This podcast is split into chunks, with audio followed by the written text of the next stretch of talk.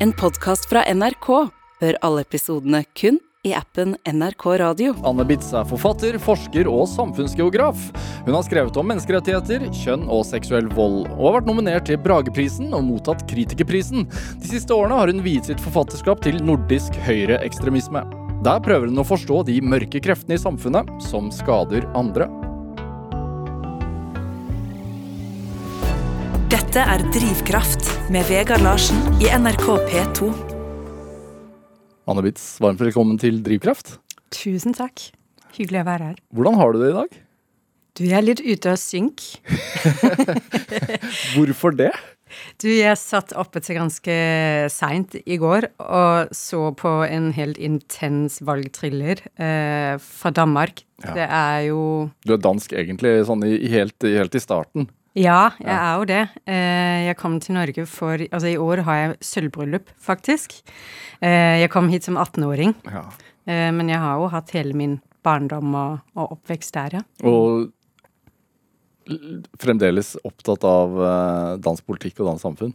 Ja, må jo følge litt med på, på røttene sine. Men, men det har jo vært spesielt spennende i år, syns jeg. Hvorfor det? Nei, det har jo Mette Fredriksen har jo virkelig stått i en storm, sant, på grunn av alt som har skjedd under koronaen og denne tvangsavlivningen Av disse av, av mink. Minken, ja. Um, Minkgate. Ja. Ja.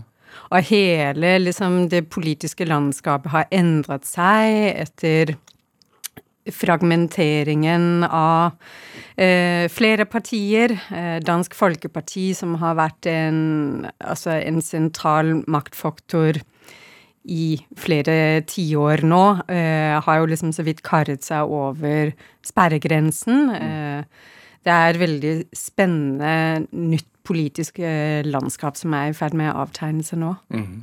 Hvordan sånn Hvis man skal gi en sånn generell betraktning over det politiske landskapet i Danmark, hvordan ser det ut? Altså hva er Hva, er, hva skyldes svingningene og, og Nei, jeg har liksom forsøkt å tenke ganske mye over det. Ja. De siste liksom, partiårene mens jeg har vært her. Uh, og jeg syns det har vært litt vanskelig å få tak i. Fordi at det landet som jeg vokste opp i, er ganske annerledes enn hvordan ting er i dag. Hvordan da? Nei, jeg syns jo dessverre at landet har gått i en mye mer illiberal retning. Eh, jeg syns at Det ble jo kanskje litt drøyt å snakke om danskene, men jeg tror jeg likevel skal gjøre det, selv om at, at jeg vet at det er å tegne med bred pensel.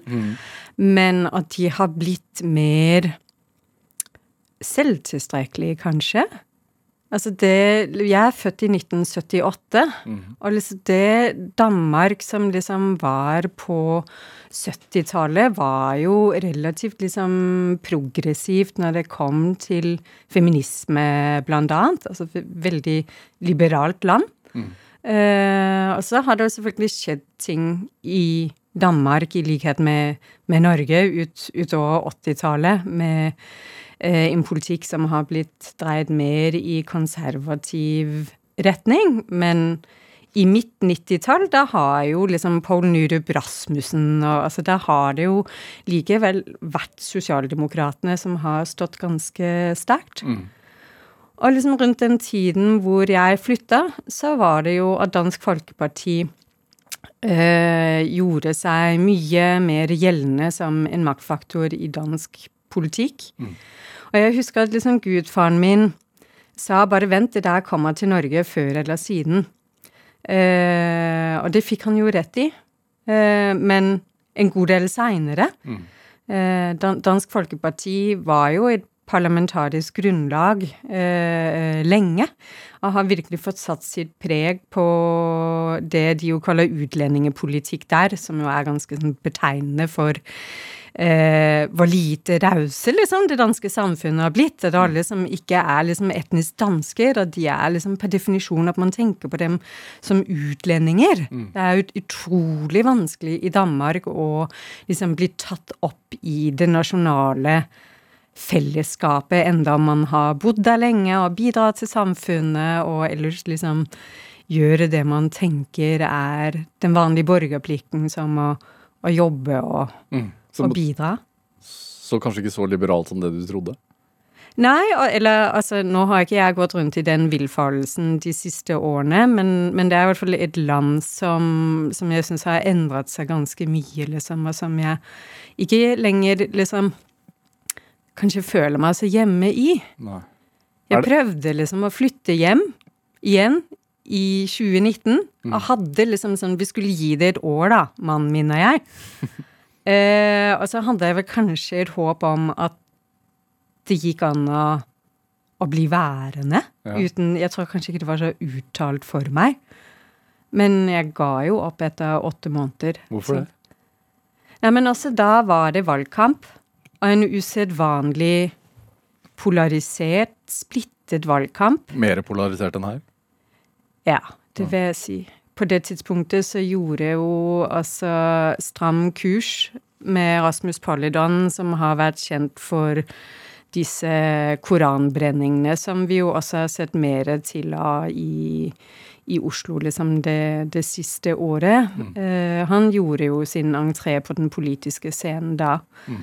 Eh, og de fikk jo riktignok ikke så veldig mye velgeroppslutning.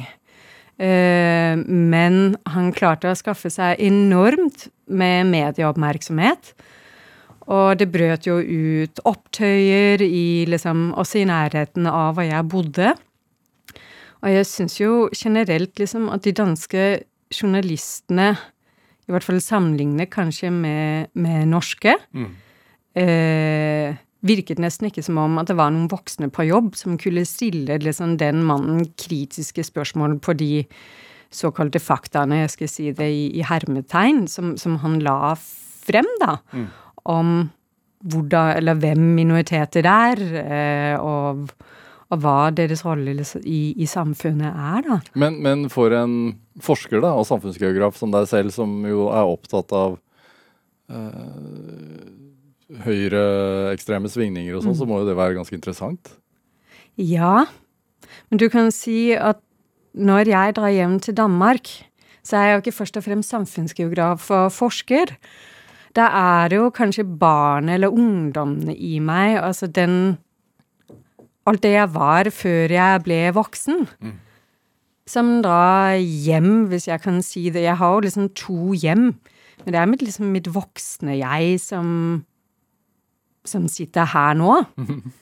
eh, og som har tatt min utdanning og skrevet mine bøker her. Men med en gang jeg liksom lander på Kastrup, så så tror jeg nok at, at jeg er mye mer i kontakt da med tidlige versjoner av meg selv. Og det tror jeg skaper en sånn form for nostalgi, da. At det er liksom dette barnet eller det, denne ungdommen i meg som liksom kanskje skulle ønske at samfunnet jeg liksom kjente, da, at det liksom kanskje bare var frosset. At det liksom hadde blitt satt i en sånn hermetisk boks. Eh, at det kanskje ikke hadde utviklet seg i en sånn retning som gjør at jeg ikke liksom kjenner landet mitt igjen, da. Nei. Og det vet jeg, og det er jo en migranterfaring. Eh, som jo også har blitt belyst mye i liksom det noen kaller innvandrerlitteraturen, sant? Selv om det bare er fra Danmark til Norge. Ja. Men dette med å forflytte seg over de landegrensene og, og forsøke å skape seg et liv på ny, øh, legge et liv bak seg, men likevel ha sine røtter et sted. Man kan liksom aldri flykte fra hvem, hvem man tidligere har vært, enda man kanskje prøver på det, da. Uh, så jeg vet ikke Jeg tror de, liksom de første 10-15 årene mens jeg var her, var jeg veldig opptatt av å legge mitt gamle liv bak meg, og jeg skulle liksom uh, skape no, noe helt nytt. Det var ikke så bra, sant, det, det jeg kom fra, så jeg ville liksom sette en strek over det. Men nå vet jeg, det er kanskje sånn midtlivskrise, da. Jeg blir Jeg fyller 44. Det er helt vilt. Altså, jeg, er jeg, jeg, ingen alder. Hva? Det er jo ingen alder. Jeg vet ikke, inni meg er jeg liksom alltid 32, eller, eller jeg skulle kanskje ønske, ønske, det. 32 er en sånn god alder. Men, men i hvert fall, altså dette Jeg syns jeg liksom de siste årene har blitt mer og mer sånn sentimental og nostalgisk. Jeg kan liksom lenges hjem, da. Ja. Til Danmark. Hvorfor det, tror du? Det er jo dette med liksom, å ha en krok tilbake til hvem det er man har vært, liksom. Hvilket samfunn det er man liksom har blitt rundet av, sier vi på dansk. Hva betyr det? Det, det er jo en sånn Det betyr jo at det er så vanskelig liksom sånn oversette de der gode uttrykkene. Eh, eh, jeg leter etter gode ord, men eller en god oversettelse av det der. Men jeg sier det, det er jo noe man liksom har blitt formet av, da er vel det beste jeg liksom kan, kan si. Mm. Men så er det likevel Man er jo ikke 100% formet. Jeg tror jo ikke at vår identitet er statisk, da. Jeg tror man er formbar. Mm. Jeg tror at dette med å bli rundet av noe, det er litt mer mildt enn det å liksom bli formet av noe som forutsetter at, du, at det er liksom omtrent en sånn sjablon mm. man kan trekke over ditt menneske. Det, det tror jeg jo ikke på. Jeg tror jo at vi kan forandre oss, heldigvis, da, i møte med andre og, og steder vi, vi flytter til, som jeg tenker er en god ting. Dette er Drivkraft med Vegard Larsen i NRK P2. Og i dag er forfatter og samfunnsgeograf Anne Bitz her hos meg i Drivkraft på NRK P2. Uh, startet jo litt å prate om dan danske valget. Uh, ble du fornøyd med utfallet? Men vi vet jo egentlig ikke helt hva utfallet er. Nei, Så det er for tidlig med denne planen, ja. Ja. Men det, en, en, annen ting som har skjedd nå nylig, er jo at i helgen så var altså marsjerte 35 medlemmer av organisasjonen Den nordiske motstandsbevegelsen her i Oslo. Mm. Um, politiet pågrep uh, ja, alle sammen, vel, nesten. Mm. Uh, det var en uh, ikke-varsla markering foran Løvebakken i Oslo. Og 31 av 35 var ikke fra Norge, mm. men fra nordiske naboer. Hva, hva, hva, sier det deg, at de kommer hit og marsjerer? Det sier jo flere ting.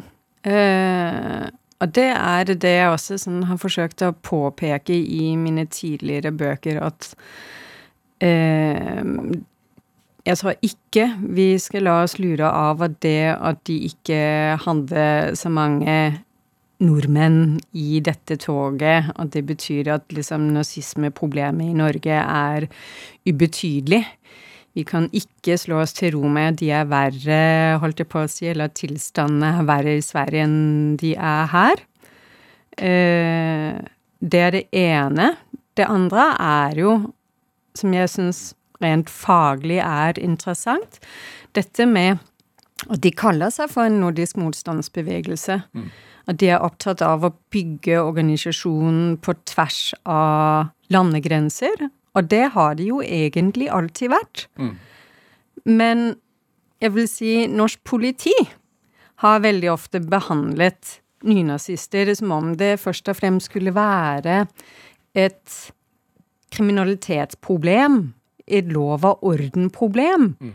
mens de oppfatter seg selv som en sosial bevegelse, og de agerer jo også etter det. Hva vil det si? Hva er forskjellen?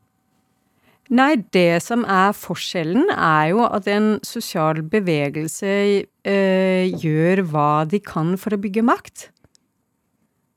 De er jo ikke først og fremst, og det mener jeg har aldri vært, opptatt av bare å holde på med liksom pøbelstreker eh, ute i gatene, selv om det har resultert i det også. Mm.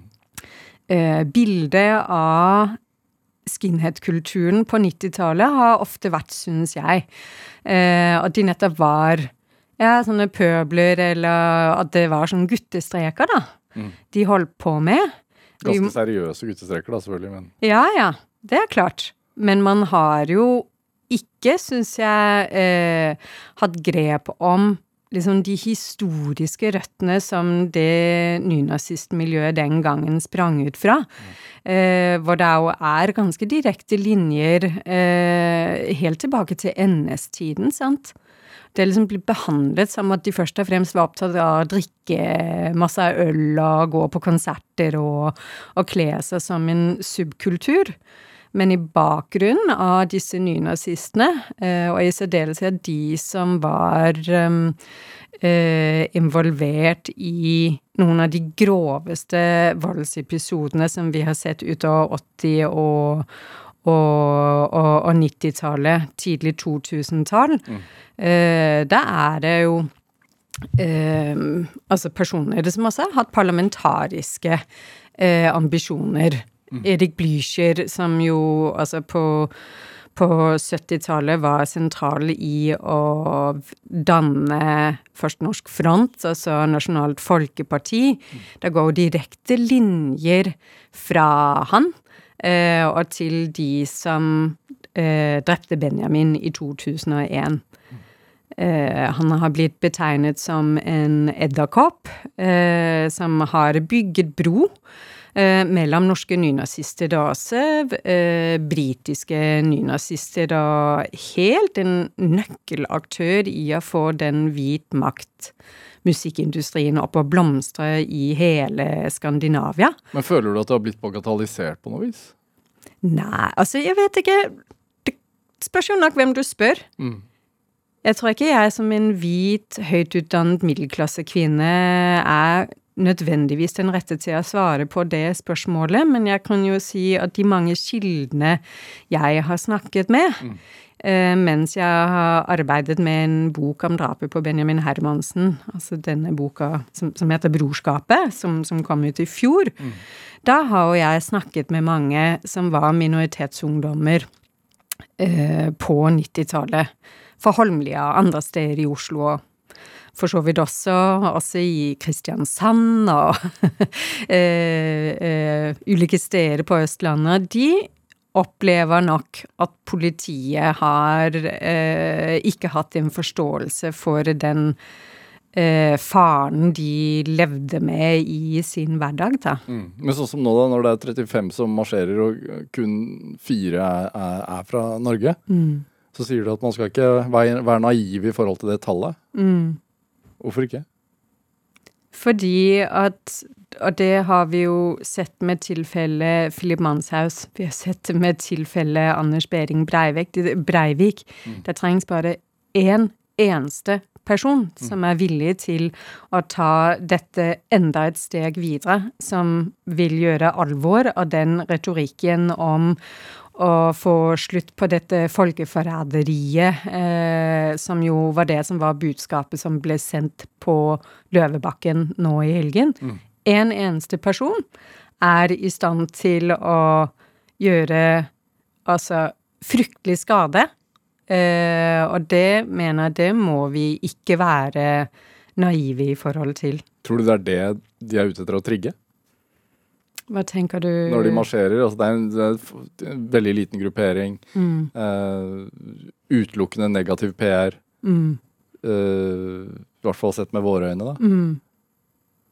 Nei, altså Jeg Hver gang det har vært den typen aksjoner, det, det første jeg gjør, er jo å logge meg inn på de nettplattformene hvor, eh, som disse nynazistene frekventerer.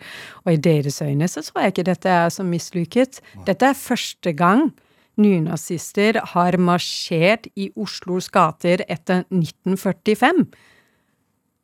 Det er ikke skjedd før. At de har liksom kunnet altså Stort sett så har de jo fått juling, ikke sant? Det har blitt avbrutt av blitsere og antirasister som har fordrevet dem fra gatene. Mm. De fikk holde på i 40 minutter, og politiet hadde et strev med å få dem til å adlyde ordre. Altså, det kom jo liksom til, i hvert fall sånn ansporing, virket det som, til, til slåsskamp. De hadde altså såpass med selvtillit at de tenkte at det gikk an uh, i hovedstaden å gjøre dette. Mm.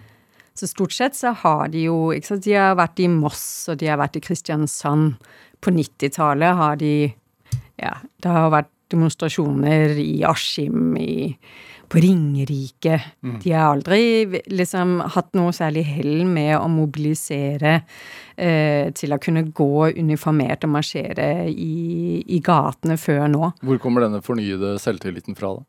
Ja, det kan du lure på. Det har jeg liksom sitt sittet hele helgen, egentlig, og liksom grublet på og forsøkt å skrive en kronikk om. Men jeg lurer jo på om det er dette politiske taktskiftet. Eh, vi snakket jo om Først om, om valget i Danmark. Det var nylig valg i Sverige også. Ja. Og dette valget i Danmark, hvis vi liksom spoler tilbake til 2019, mens jeg bodde der, mm. eh, med Rasmus Paludan, som jo både forsøkte å få alminnelig liksom, parlamentarisk innflytelse ved å, ved å stille til valg, samtidig som han jo var en en aktivist eh, som var ganske flink på dette med liksom de å nå ut på de sosiale medieplattformene. Mm. Det samme fenomenet har vi jo fått her nå, med Sian, som eh, under liksom Som får beskyttet sin ytringsfrihet. eh, av politiet og fritt kan demonstrere i gatene våre. Og jeg tenker det er klart at det må jo virke oppmuntrende også på de som befinner seg enda lenger til høyre, at de ser at her er det fritt leide for å spre den typen hatytringer. Da. Mm. Du, du kom jo nylig ut med boka 'Den norske skyld', eh, beretning fra rettssaken mot Philip Manshaus. Mm. Eh, hva legger du i den tittelen, egentlig? 'Den norske skyld'? Nei, altså Det handler jo om, mener jeg, å få punktert myten om den norske uskyld, kan du si. Uh, og ideen til begge disse prosjektene mine, både Brorskapet og, og Den norske skyld, vokste jo ut av 22. juli. Mm. Som jo kom som et sjokk, altså. På oss alle sammen. Mm. Jeg tror de fleste av oss, eller veldig mange, trodde at det skulle være militante islamister eh, som sto bak dette. Eh, og jeg, jeg, var selv helt sånn nummen, altså. Lammet i flere dager. Jeg kunne virkelig ikke forstå at noe sånt kunne skje her, da. Mm. I et av liksom de mest demokratiske, likestilte, lite korrupte landene som liksom år etter år har inntatt topposisjon sant, på FNs eh, eh, indeks for menneskelig utvikling, likestillingsindekser Altså, jeg, jeg har liksom ikke liksom kunne forstå at det der kunne vokse ut der. Og, mm. og da husker jeg jo at både da, etter 22. juli, og faktisk også etter drapet på Benjamin Hermansen i 2001, så snakker man om dette såkalte veiskillet. Denne dagen da mistet Norge sin uskyld. Mm. Og det jeg liksom har vært opptatt av, har vært å liksom undersøke om den uskylden egentlig fantes. Uh, og da begynte jeg liksom å gå opp sporene. Egentlig fra 2011 og tilbake. Mm. Men mens jeg holdt på med prosjektet, så måtte jeg jo plutselig også se framover. Fordi 22. juli var jo bare et intermezzo. Eh, det gikk så kort tid etter, altså under ti år før vi hadde et nytt høyreekstremt soloterrorangrep her. Mm. Og det tenker jeg det, også det kom bak på meg og mange andre, tror jeg. Mm. Eh, det er jo uh, som er blitt domfelt uh, for å drepe søsteren sin. Uh, og, og, at han, han dro jo målretta til en moské for å ta livet av flest mulig. Det var jo mm. agendaen hans. Uh, var, du, altså, var, det nysgjerrighet? Altså, ønsket du å forstå, eller å prøve å liksom forstå hvilke mekanismer som satte i gang? Ja, absolutt. Tanken hans? Ja, absolutt. Jeg tenker jo at det å forstå ikke for å forsvare, men for å forebygge. Mm. Nå snakker vi om drivkraft, da. Mm. Uh, og dette mørket i mennesket, og det har liksom vært sånn uansett, altså om jeg har forsket på seksuell vold eller høyreekstremisme, disse tingene liksom har, har, har gått opp sporene et, etter ting fra egen oppvekst. Mm.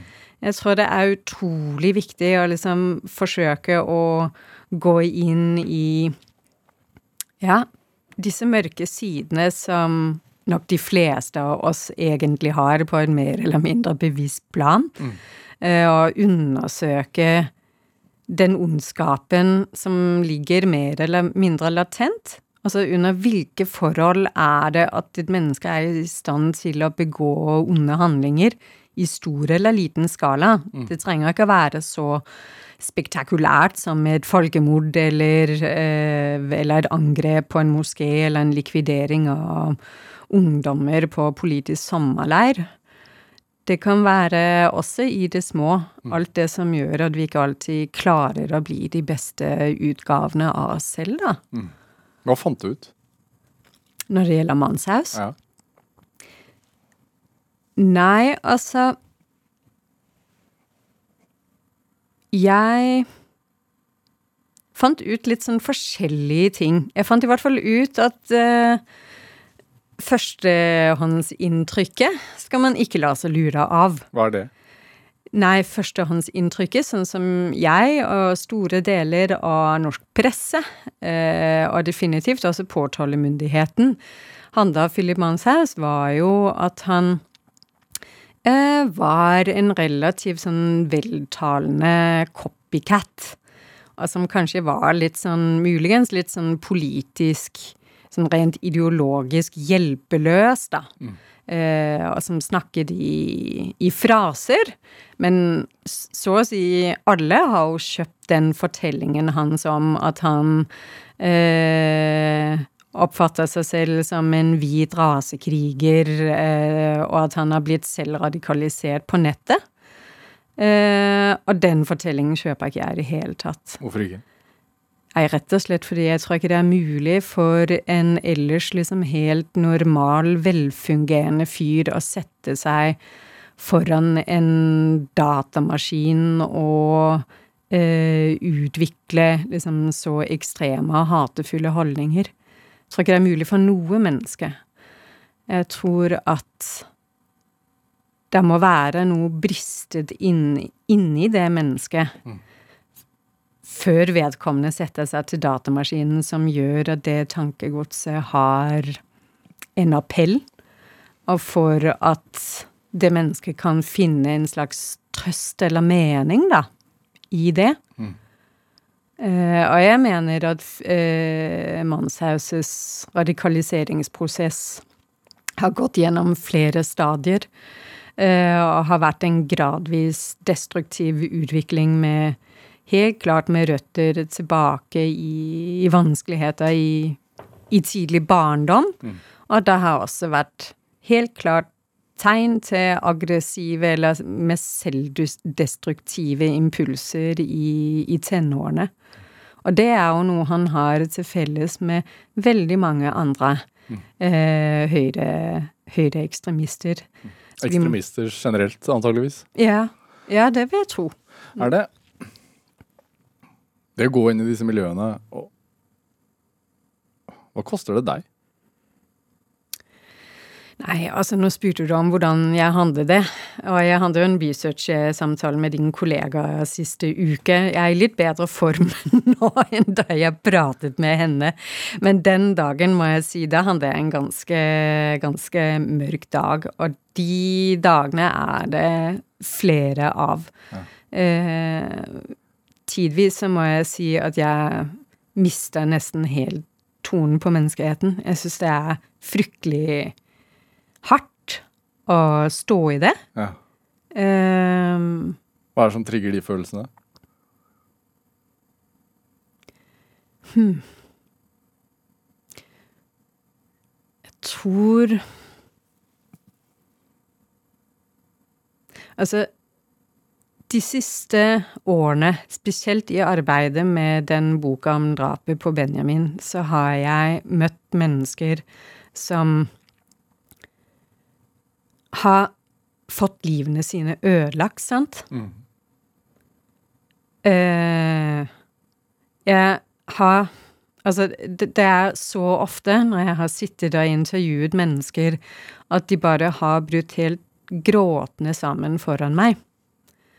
Eh, og det er klart, du går ikke upåvirket fra den typen møter. Og når jeg da ser at liksom utviklingen fortsetter i samme retning, og det er også det de kommuniserer til meg, at de trodde at det skulle bli en slutt på nynazisme og høyreekstremisme etter drapet på Benjamin. Eh, alle politikerne sa det. Dette skulle bli et vannskille. Og man så jo også til dels en oppløsning av det altså det organiserte nynazistiske miljøet som, som hadde gjort seg gjeldende på 90-tallet. Mm. Men miljøet muterte jo egentlig bare inn i nye miljøer, ut på nye plattformer. Vi har jo ikke fått en slutt på det.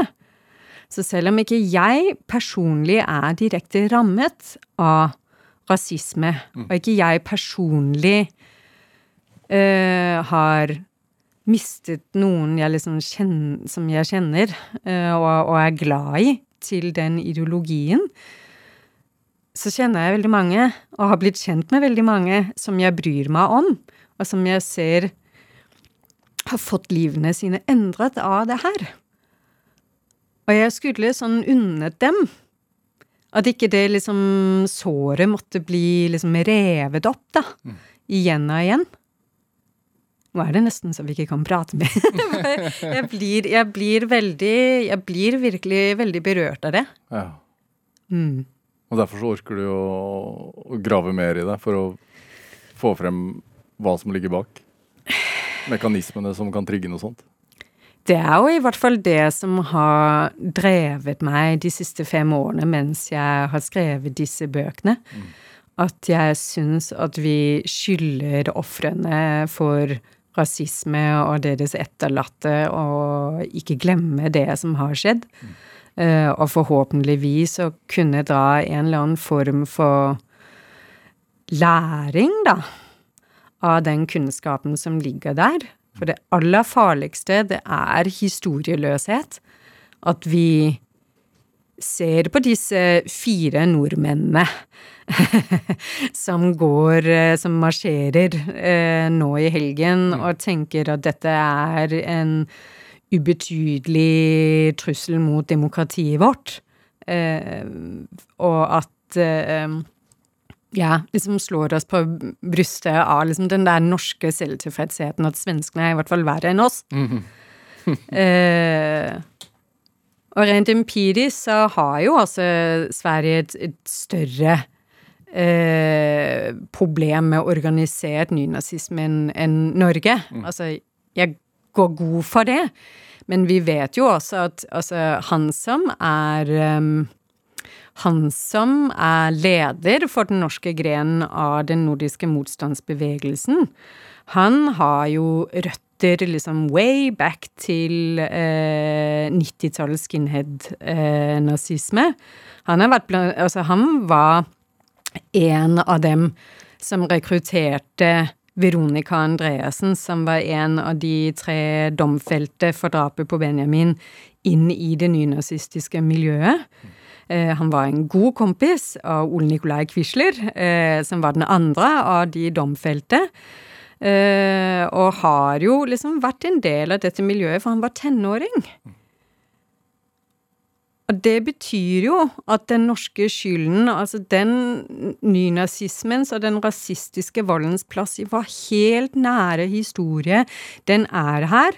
Og noen ganger så viser den seg ute i gatene og foran Stortinget, andre gangen så er det bare mer usynlig på internettets liksom plattformer og på den mørke weben. Mm. Men selv om den sjelden kanskje er så synlig ute i gatene, så gjør den seg gjeldende eh, som en maktfaktor, og de mobiliserer på tvers av landegrenser. Mm. De bevæpner seg. Og det bør verken politiet eller Politiets sikkerhetstjeneste eller folk flest undervurdere hvilken trussel det er, da. Anne Bis, vi skal spille litt musikk. Ja. Uh, få opp stemningen litt. Ja. ja. du har med en Karpe-låt, eller en Karpe Diem-låt. 'Tusen tegninger'. Hvorfor det? Altså, jeg er jo sånn helt latterlig Karpe-fan, i likhet med resten av den norske befolkningen. Som 40-åringer flest. ja. eh, men akkurat den låta jeg har valgt ut, eh, den har faktisk dannet inspirasjon til tittelen på min forrige bok, 'Brorskapet'. Mm. Eh, og den oppmerksomme lytter vil, eh, vil høre at det er en strofe ute i sangen som tematiserer nettopp brorskap, eh, men på en litt annerledes måte enn det brorskapet som vi også ser mellom nynazistene. Uh, og jeg tenker vi bare liksom skal la den henge der. Jeg har litt lyst til at lytterne skal, skal være oppmerksomme uh, og lytte til den versjonen av brorskap som, som Carpe Diem presenterer for oss.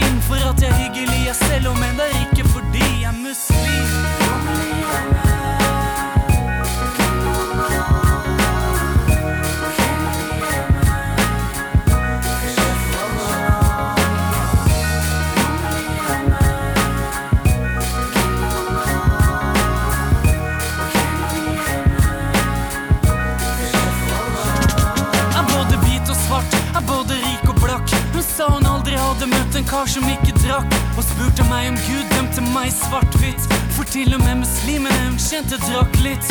Men brorskap er ikke lenger mellom de som tror på det samme. Har en bror som er hindu, og det handler om å godta at andre har en mor som og kanskje en far som lærte dem noe annet om livet som at himmelen er et mål, og livet kanskje er casting. Har ikke masse svin på skogen, men jeg har masse marsvin.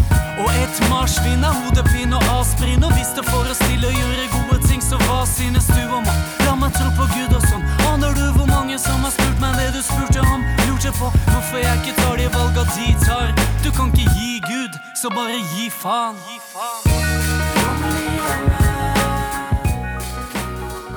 Ja, Du fikk en smakebit av Carpe Diems 1000 tegninger her i Drivkraft på NRK P2, valgt av dagens gjest her i Drivkraft, nemlig forfatter, forsker og samfunnsgeograf Anne Bitz. Uh, du har skrevet en bok som heter 'Går du nå, er du ikke lenger min datter'. Uh, og vi snakker jo om det med høyreekstreme, eller som velger en ekstrem retning i livet. Og du sier at du tror ikke nødvendigvis på at man bare kan sette seg ned foran en datamaskin og bli påvirket. At det mm. ofte har eh, grunner som går lenger tilbake i tid. Mm. Og der skriver du bl.a. at som barn så skjønte jeg det aldri hvorfor andre ikke ville hjelpe oss sånn på ordentlig. Mm. Når jeg tenker meg om, så skjønner jeg det heller ikke i dag. Den setningen, hvor vesentlig er den i jobben din? Tror jeg er veldig glad for at du valgte akkurat den. Eh, jeg tror at det ligger egentlig helt i kjernen av alt jeg driver med. Um, min drivkraft, hvis vi skal tilbake til, til, det vi Det som er utgangspunktet for at vi sitter her, mm. Som kanskje ikke alltid er så tydelig, tydelig for meg, men det handler jo om det maktesløse mennesket i møte med mennesker som har makta. Som kan endre liksom livsbetingelsene eh, til folk som både kan og burde ha gjort ting bedre. Mm. Eh, og det gjør jo at jeg tiltrekkes, tror jeg, veldig av den typen problemstillinger hvor ulike former for maktmisbruk finner sted. Mm. Og det er jo enten om det er i statlig regi, da, eller om det er eh, ekstreme politiske bevegelser som undertrykker andre. Eh, og det Ja. Opptatt Altså, jeg interesserer meg faglig. Det er ikke bare en sånn ut av liksom mitt gode hjerte, liksom, jeg gjør dette. Jeg tror selvfølgelig så kan du ikke isolere liksom et menneskes personlige eh, opplevelser mm. fra liksom med, med, hva de liksom kommer til å drive med seinere i livet. Men jeg har likevel også en sånn genuin faglig interesse for hvordan Altså for makt, da. Mm. Eh, og for hva det er som gjør at noen liksom kan la noen i stikken. Mm. Mm. Er det Hvis man ser på deg personlig, da, er det Hvordan vil du beskrive oppveksten din? Det spørs jo litt sånn Jeg har liksom lært meg å alltid ha, tror jeg, sånn to to svar på det. Det er sånn kort, og det er langt. Og så oftest så prøver jeg å liksom å skåne motparten. Her hos meg kan du velge helt selv. ja. Nei, jeg tror det enkle svaret på det spørsmålet Altså, det er jo at det har vært alt annet enn en enkel oppvekst. Det er vel det som man liksom vil si er nokså trøblete. Mm. Mm. Har, har, du det med at ingen hjalp ordentlig det, Du skriver 'det skjønner jeg heller ikke i dag'. Mm. Hvorfor tror du at ingen hjalp deg? Jeg tror jo egentlig at jeg skjønner det litt bedre i dag. Nå er det fem år siden at den boka kom ut. Mm.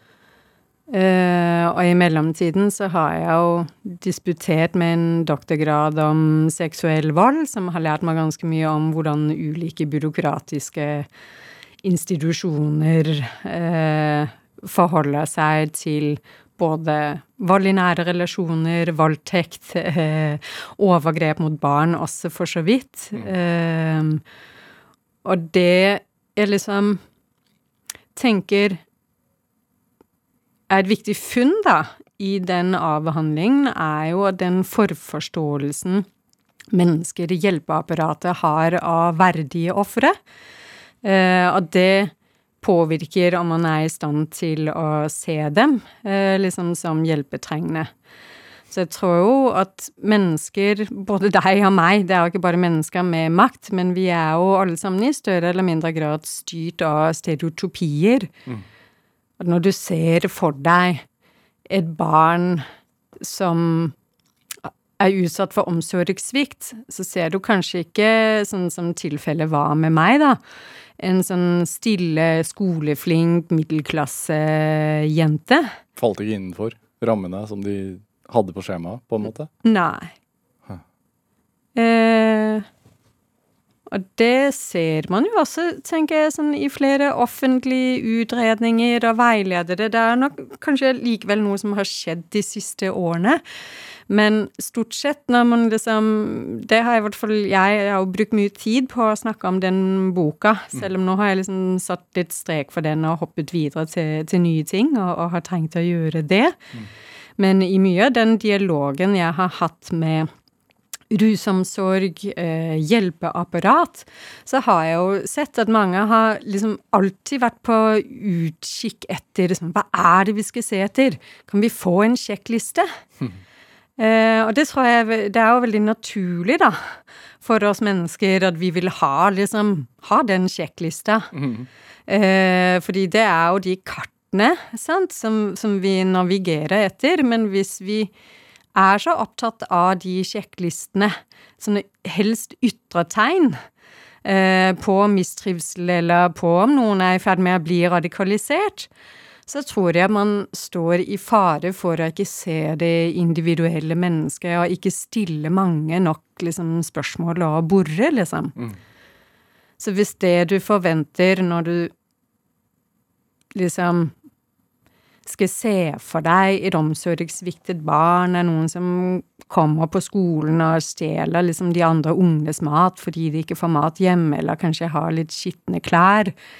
Eh, at man ser etter blåmerker eller liksom mm. tydelige tegn på mishandling. Veldig utagerende barn. Eh, så er det liksom andre typer ofre, da, mm. som går helt under radaren. Ja, For du var stille og skoleflink? Ja, mm. og da har jeg jo faktisk mye til felles med, med Philip, da. Eh, og det er en grunn til jeg sier Philip og ikke Philip Manshaus. I bøkene mine så omtaler jeg alltid gjerningspersonene mine ved fornavn for den perioden som går forut for radikalisering, eller hvor de blir et voldelig menneske. Mm. Uh, og det vi vet om Philip fra før han ble radikalisert, var jo at han nettopp var en veldig snill, medgjørlig, uh, engstelig liten gutt. Mm. Eh, som ikke var egentlig fryktelig meddelsom om hvordan han hadde det. Men han hadde sånne små, subtile tegn som vi etterpå skjønner burde vært varsellamper, og som i hvert fall barne- og ungdomspsykiatrien, som jo eh, eh, hadde han innom seg ved, ved, to anledninger, burde grepet tak i. Og det tenker jeg altså Dette med de krenkede barna som enten blir syke voksne, mm. eller farlige voksne, det bryr jeg meg veldig mye om. Jeg tenker at det ligger mye liksom både god folkehelse i å ta tak i dem, mm. eh, men også god si, kriminalitetspolitikk. Ja. At, at, det i, i tidlig alder å, å, gripe tak i dem som faller utenfor, må være en topprioritet for både oss som medmennesker og selvfølgelig eh, sosiale myndigheter, da. Mm. Du, du, ble jo ikke grepet tak i. Hvordan uh, har du hatt, fått styrken fra? Nei, altså, du kan jo si det som var min største ulempe, men også fordel i forhold til dette med å bli sett, det har jo å gjøre med min klassebakgrunn. Mm. Så jeg og familien min gikk under radaren både hos lærere, naboer, sosiale myndigheter, fordi at altså det som jo er saken her, er jo at har ikke, sikkert ikke mange lyttere lest den boka, men min oppvekst har jo vært preget av eh, at min mor var eh, psykisk syk med en udiagnostisert eh, lidelse. Hun var bipolar. Og uh, brukte da alkohol til liksom å døyve disse voldsomme opp- og nedturene. Mm. Eh, og så har jeg liksom i tillegg ved et par anledninger også blitt utsatt for seksuelle overgrep av faren min. Og det skapte skapte jo voldsomme eh, konflikter og fortvilelse og uro eh, i familien vår, da, mm. som ble veldig, veldig splittet. Men min, liksom, i likhet med veldig mange ofre for overgrep, det er noe jeg liksom tror mange eh, ikke intuitivt forstår, så handler jo jeg et ønske om å ikke liksom være i det der, da. Jeg vil jo bare ha et sånn normalt liv. eh, og ikke være lei meg.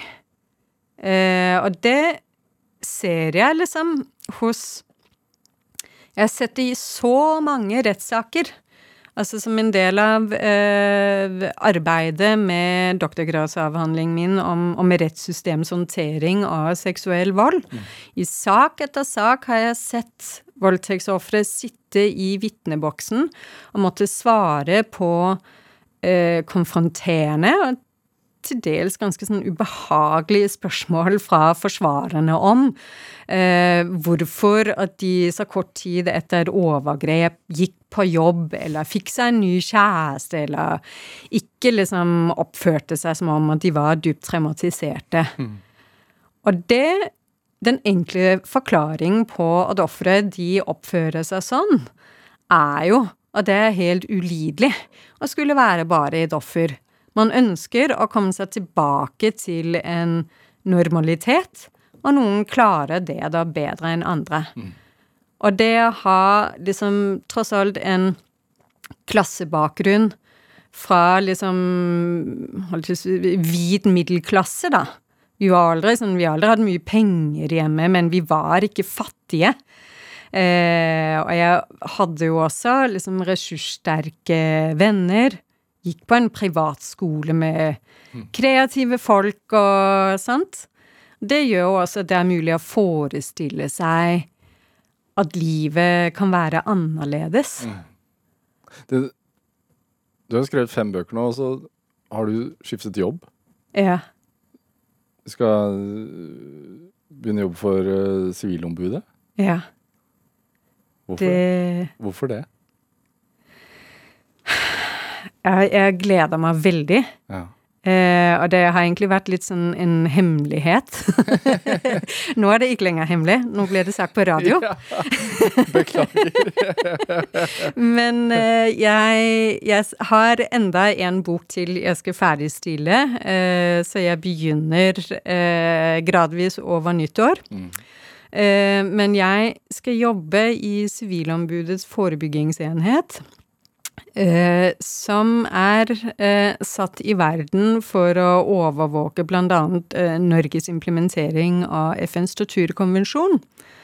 Så en del av det eh, arbeidet kommer til å gå ut på å besøke institusjoner hvor folk er frihetsberøvet. Mm. Eh, barnevern, psykiatrisk helsevern, transittmottak, fengsler alle disse avmektige menneskene som jeg har interessert meg for gjennom egentlig alt arbeid jeg noensinne har gjort, da. Mm. Uh, så det ligger jo i kjernen av denne personlige, faglige interessen for egentlig, vil jeg si, medborgerskap, da. Mm. At også de svakeste og mest avmektige blant oss har krav på grunnleggende menneskerettigheter. Mm og ikke skal bli behandlet eh, dårlig, for å si det på godt norsk, av mennesker med makt, da. Du er sterk. Veldig, jeg syns du er veldig sterk. Det, det, må jo koste litt å grave seg inn i alt dette her. Eh, du, det er jo litt sånn litt morsomt du sier det. Jeg oppfatter ikke nødvendigvis meg selv som veldig sterk. Jeg satt jo og ble helt sånn våt i øya når du spurte i sted sånn hvordan klarer du ja. eh, denne materien? Og svaret på det er jo det gjør jeg jo heller ikke alltid. Eh, jeg har jo hatt noen sykemeldinger underveis, både på doktorgraden og, eh, og spesielt i arbeidet med, med boka om drapet på Benjamin, hvor jeg virkelig ble veldig, veldig, veldig syk. Mm. Av sorg, tror jeg. Eh, så jeg, jeg betrakter kanskje ikke meg selv som veldig sterk, men jeg er ekstremt sta og veldig, veldig utholdende. eh, og det tror jeg kommer godt med. Hvordan er det for mannen din? oh, ja, altså, Stakkars han. holdt på Altså, han var jo litt sånn I likhet med menn flest, så liksom brydd forhold til dette med seksuell vold. Mm. Eh, han hadde jo ganske mange sånn oppdragne kommentarer en periode eh, hvor han var sånn Han syntes det var helt håpløst at jeg drev og leste eh, sånn fagartikler om voldtekt på sengekanten. Han var sånn 'Nå må du begynne å lese noe skjønnlitteratur'. Så gjorde jeg det, men han ble jo altså nesten helt lykkelig da jeg sa at jeg skulle begynne å forske på høyreekstremisme. Selv om at det liksom var en vending fra seksuell vold til drap og terror og ja, gudene veit, men han har jo liksom Han har holdt ut med meg i ti år, da. Så jeg, jeg, håper at jeg ikke er for ille å leve sammen med. du klarer ikke å la være, rett og slett? da. Hva er drivkraften din, Anne Bitt? Jeg har liksom tenkt tenkt at jeg liksom måtte ha en sånn skikkelig catchy phrase, liksom, siden at, at, jeg liksom skulle hit. Og det er jo som Altså, det, det er ikke nødvendigvis sånn så veldig klart for meg, da. Men, men jeg har vel kanskje en formening om at man skal være hard mot de harde og god mot de gode, da. Mm. Hva gir glede i arbeidet ditt, da? Du, det er å møte veldig, veldig mange interessante og forskjellige mennesker som har det vi liksom på akademisk kaller resiliens. Hva er det? Det er jo kanskje det. Det er jo en form for utholdenhet eller en form for robusthet. Altså, du vil ikke tro hva mennesker som har opplevd de mest forferdelige tingene, eh, er i stand til å klare eh, hvor mange som tross alt liksom klarer å, å reise seg, da. Mm. Så er det ikke alle som klarer det. Det er noen som får sine følelsesliv og sine liv ødelagt. Jeg skal ikke prøve å liksom Jeg er ikke tilhenger av den sånn romansiserte fortellingen om at det som ikke dreper deg, gjør deg sterkere. Tvert imot. Men jeg tror likevel at, at, midt i alt dette mørket, så er det ofte også et, et lite lys, og det lever jeg for å få et lite glimt av. Det er fine uh, siste ord. Anne Bitz, tusen takk for at du kom til Drivkraft. Takk fordi jeg fikk komme. Hør flere samtaler i Drivkraft på nrk.no eller i appen NRK Radio. Eh, produsent og researcher i dag var Ellen Foss Sørensen. Dette var Drivkraft. Jeg heter Vega Larsen. Vi høres en podkast fra NRK. Dette er jo en podkast med meg, Lars Berrum, og deg, Martin Beyer-Olsen. Ja, det stemmer. Der jeg prater ja. egentlig veldig mye, og ja, så Stemmer det. Jeg har ikke hørt deg så mye i det siste. Nei, men nå er jeg oppe og nikker igjen. For ja. jeg har fått noe Hva har du å si, da? Nei, jeg tenker at uh, de filosofiske, endevendende, store tankene Og det mer banale. Da er podkasten Bærum og Beyer snakker om greier noe for deg. Absolutt. Det er i hvert fall vår mening. Bærum og Beyer snakker om greier hører du kun i appen NRK Radio.